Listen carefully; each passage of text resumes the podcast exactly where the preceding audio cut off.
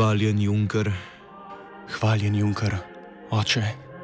Zadnjič sem bil pri spovedi, ko je v EU vstopila Bolgarija. Moj greh je kršitev uredbe številka 604 skozi 2013 z dne 26. junija 2013. Moj Junker, usmiljanje. Jaz te odvežem tvojih grehov v imenu Evropskega parlamenta, Evropske komisije in sodišča EU.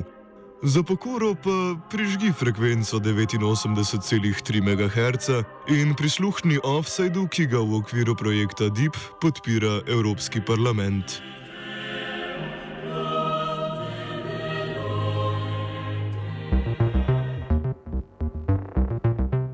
Netrajnostno olje. Francoski minister za ekološko in inkluzivno tranzicijo Nicolas Hulot je prejšnji teden biorafineriji Lamet izdal soglasje za začetek obratovanja.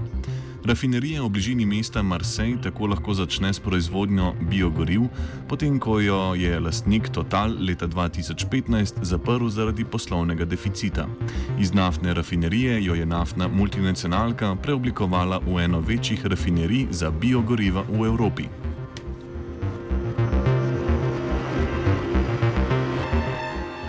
Na prvi pogled se zdi, da gre tako za dejanje, ki je ekološko bolj vzdržno in zato tudi v skladu z zauzemanjem francoskega predsednika Emmanuela Macrona za izpolnitev ciljev pariškega podnebnega sporazuma. A rafinerija je problematična, saj bo večino biogoriva proizvajala iz uvoženega palmovega olja. Francoska vlada je namreč dosegla le to, da bo vsaj 25 odstotkov biogoriva proizvedenega iz recikliranih olj. Že ena od raziskav nizozemske organizacije Ecofis, katere sponzor je Evropska komisija, dokazuje, da proizvodnja in poraba biogoriv iz palmovega olja pušča trikrat večji oglični odtis kot fosilna goriva. Evropski parlament se s svetom Evrope unije trenutno pogaja glede reforme direktive o promociji uporabe energije iz obnovljivih virov. Poslanci so z veliko večino podprli amandma k direktivi, ki omejuje porabo palmovega olja. Od leta 2021 biogorivo iz palmovega olja, če bo direktiva sprejeta, ne bo všteto v odstotek obnovljive energije, ki ga morajo države članice zagotoviti pri transportu. Po prejšnji verziji direktive morajo države članice namreč vsaj 7 odstotkov energije v transportu zagotoviti z obnovljivimi viri energije. Katjuša Šavc iz Društva za sonaraven razvoj Focus pri tem opozarja že na samo definicijo tega, kaj je v evropski zakonodaji razumljeno kot obnovljivi vir. Mislim, nevladne organizacije so so si prizadevali, da biogoriv sploh ne bi smele države upoštevati pri tem cilju. Ampak pač uh, Evropska unija je bila malo bolj konzervativna in je zgolj omejila jih na 7 odstotkov. 3% se mora pa zagotoviti naprimer iz, obnov, iz elektrike proizvedene iz obnovljivih verov energije ali pa iz naprednimi biogorivi, ki so proizvedene zgolj iz ostankov, ne pa z novimi, pol, z novimi polščinami.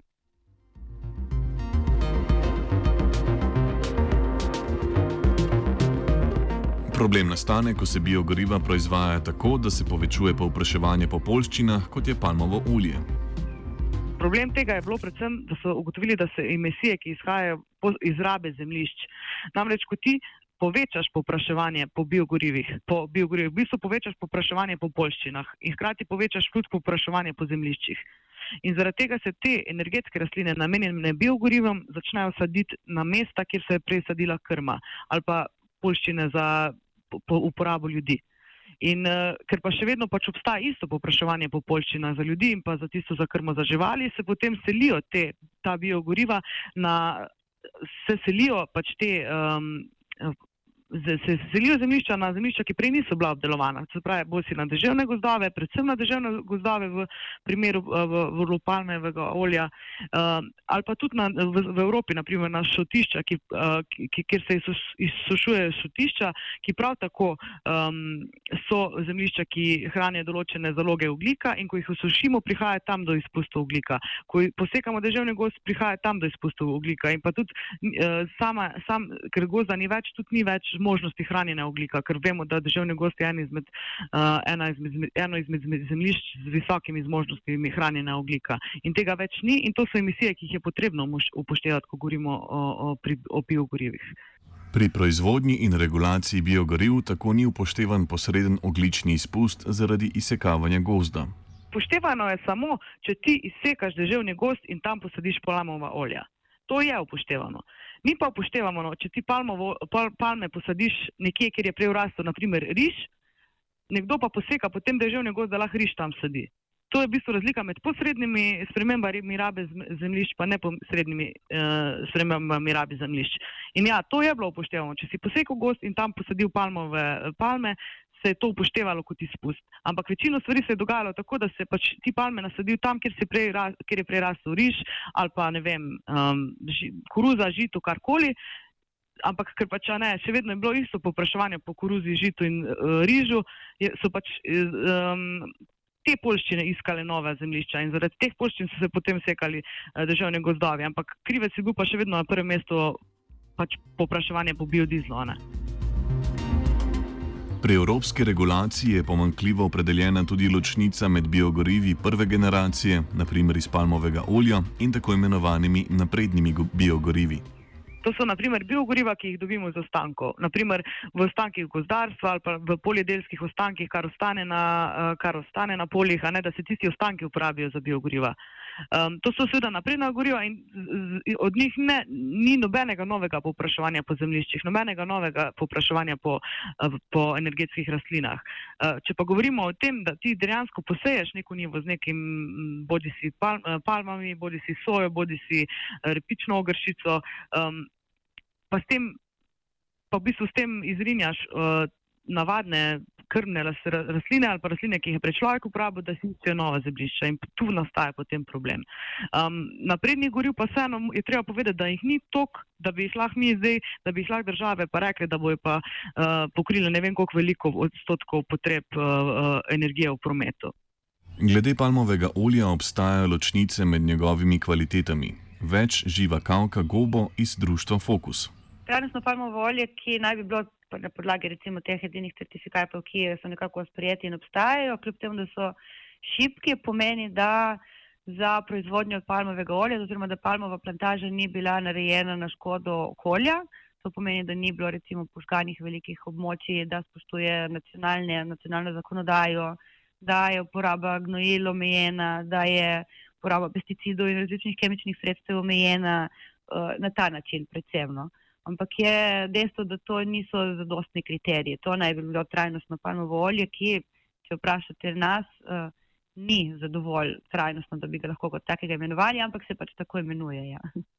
Netrajnostno je pa, ja, nastane večinoma na območjih uh, pragozda, kjer se enostavno uh, požge uh, gozd, se izsuši tla, se naredi v bistvu uh, plantažo teh oljnih palm, monokulturna pridelava je vedno problematična zaradi visoke, visoke količine uh, kemičnih sredstev, agrokemikalij, ki so potrebne za, za to rast.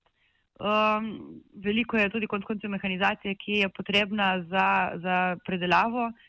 Potem pa stopamo še na področje, področje družbenih razmer, kjer je veliko prebivalcev, ki so tradicionalno živeli na določenih območjih, enostavno izseljenih ali izkoriščenih.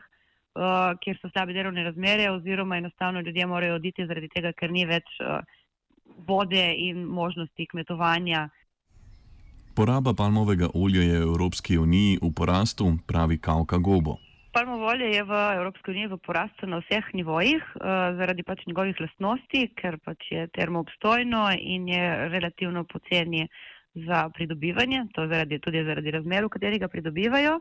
V Evropski uniji ne raste, Večina uh, palmovega olja, ki ga dobivamo, prihaja iz uh, območja iz Indonezije, iz tistega konca uh, sveta. Uh, večino palmovega olja, ki ga tam pridelujejo in ki ga tudi uvažamo v Evropo, je uh, necertificiranega in v bistvu je zelo sporno pridobljenega. Regulacija palmovega olja na evropski ravni ostaja pomankljiva. Uh, obstaja certifikatna agencija, kako ne temu rečem, ki se imenuje RSPO, to je Roundtable for Sustainable Palm Oil, ki ima tri nivoje certificiranja palmovega olja. S tem, da je prvi naj bi bil tisti, ki naj bi bil trajnostno pridelan, drugi je neki miks, tretji pa je bolj ali manj uh, brez veze, da sploh obstaja regulativa. Problem je, da to ni transparentno, problem je, da se ta olja mešajo in ni, ni popolnoma jasno, kakšno je tisto olje, ki ga mi dobivamo. To je uh, res res veliko področje, ki je zelo problematično, predvsem zaradi velikega porasta rabe, ne? tako na področju goriv, kot na področju prehrane in vsakdanjih izdelkov. Mislim, zavedati se moramo, da je že polovica izdelkov, ki jih kupujemo v supermarketih, vsebuje palmovo olje, samo na, tem, na tej ravni, uh, ampak pogosto tega niti ne vemo, ker označevanje ni transparentno, torej se včasih pač tako moflira kot navadno rastlinsko olje ali pa se skriva pod več kot 200 različnimi imeni, ki ga pač ne moremo mi kot uh, evropski potrošniki uh, slediti temu, no, kaj v bistvu kupujemo ali ne. Nekaj je prostovoljnih zavez, kjer se odločajo za nerabo palmovega olja. Kauka Gobo povdarja, da Evropska komisija zavezujočim mehanizmom ni naklonjena.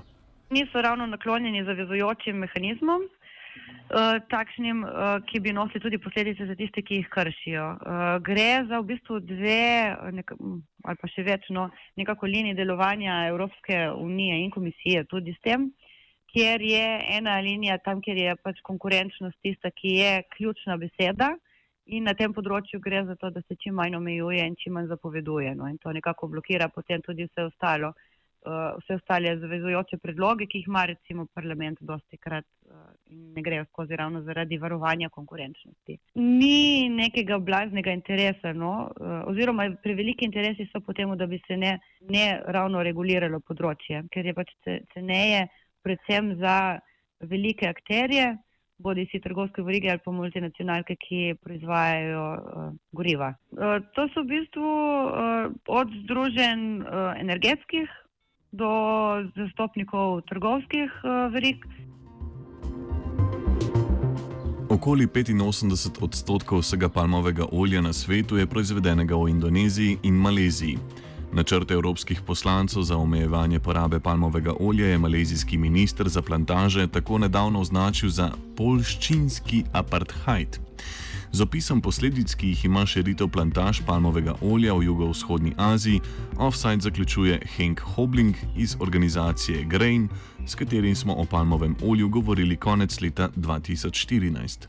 Because of the financial crisis, uh, investors like banks and investment uh, funds, they suddenly became interested into farmlands because because of the financial crisis, they had to find a safe commodity to, to put their money in, to put their their their, mon- their, their bets on, and basically they decided that farmlands is a good commodity to uh, to control. So uh, at the same time, we also got uh, banks, we got investment houses, we got pension funds, um, also going to poor countries to take control of land. So suddenly, in, in, in, in the space of the last five to six to seven years, we have seen a huge amount of, of transfer of ownership of land from countries and from small farmers to big investors uh, who want who want to make money out of food. Uh, and of course, from our perspective, that is a big problem because what we have seen happening already in many countries, and we, we work with farmers organizations in, for example, in Africa, in, uh, in, in, in different parts of Africa and Latin America, and and they the farmers are getting they basically are getting thrown off the land. They get removed from the areas where they have been farming since since many decades, since centuries. It is their land. It's often indigenous people who lose their land, and they end up without any uh, without livelihoods and without any possibility to grow their own food. To make way for the big plantations, which grow either food or um, or or biofuels, um, um, commodities which then can be turned into into food for cars. Offside je pripravil Martin. Mega radio. Tako zelo, zelo dober. Radio študent za vse generacije z blagim priokusom počasno.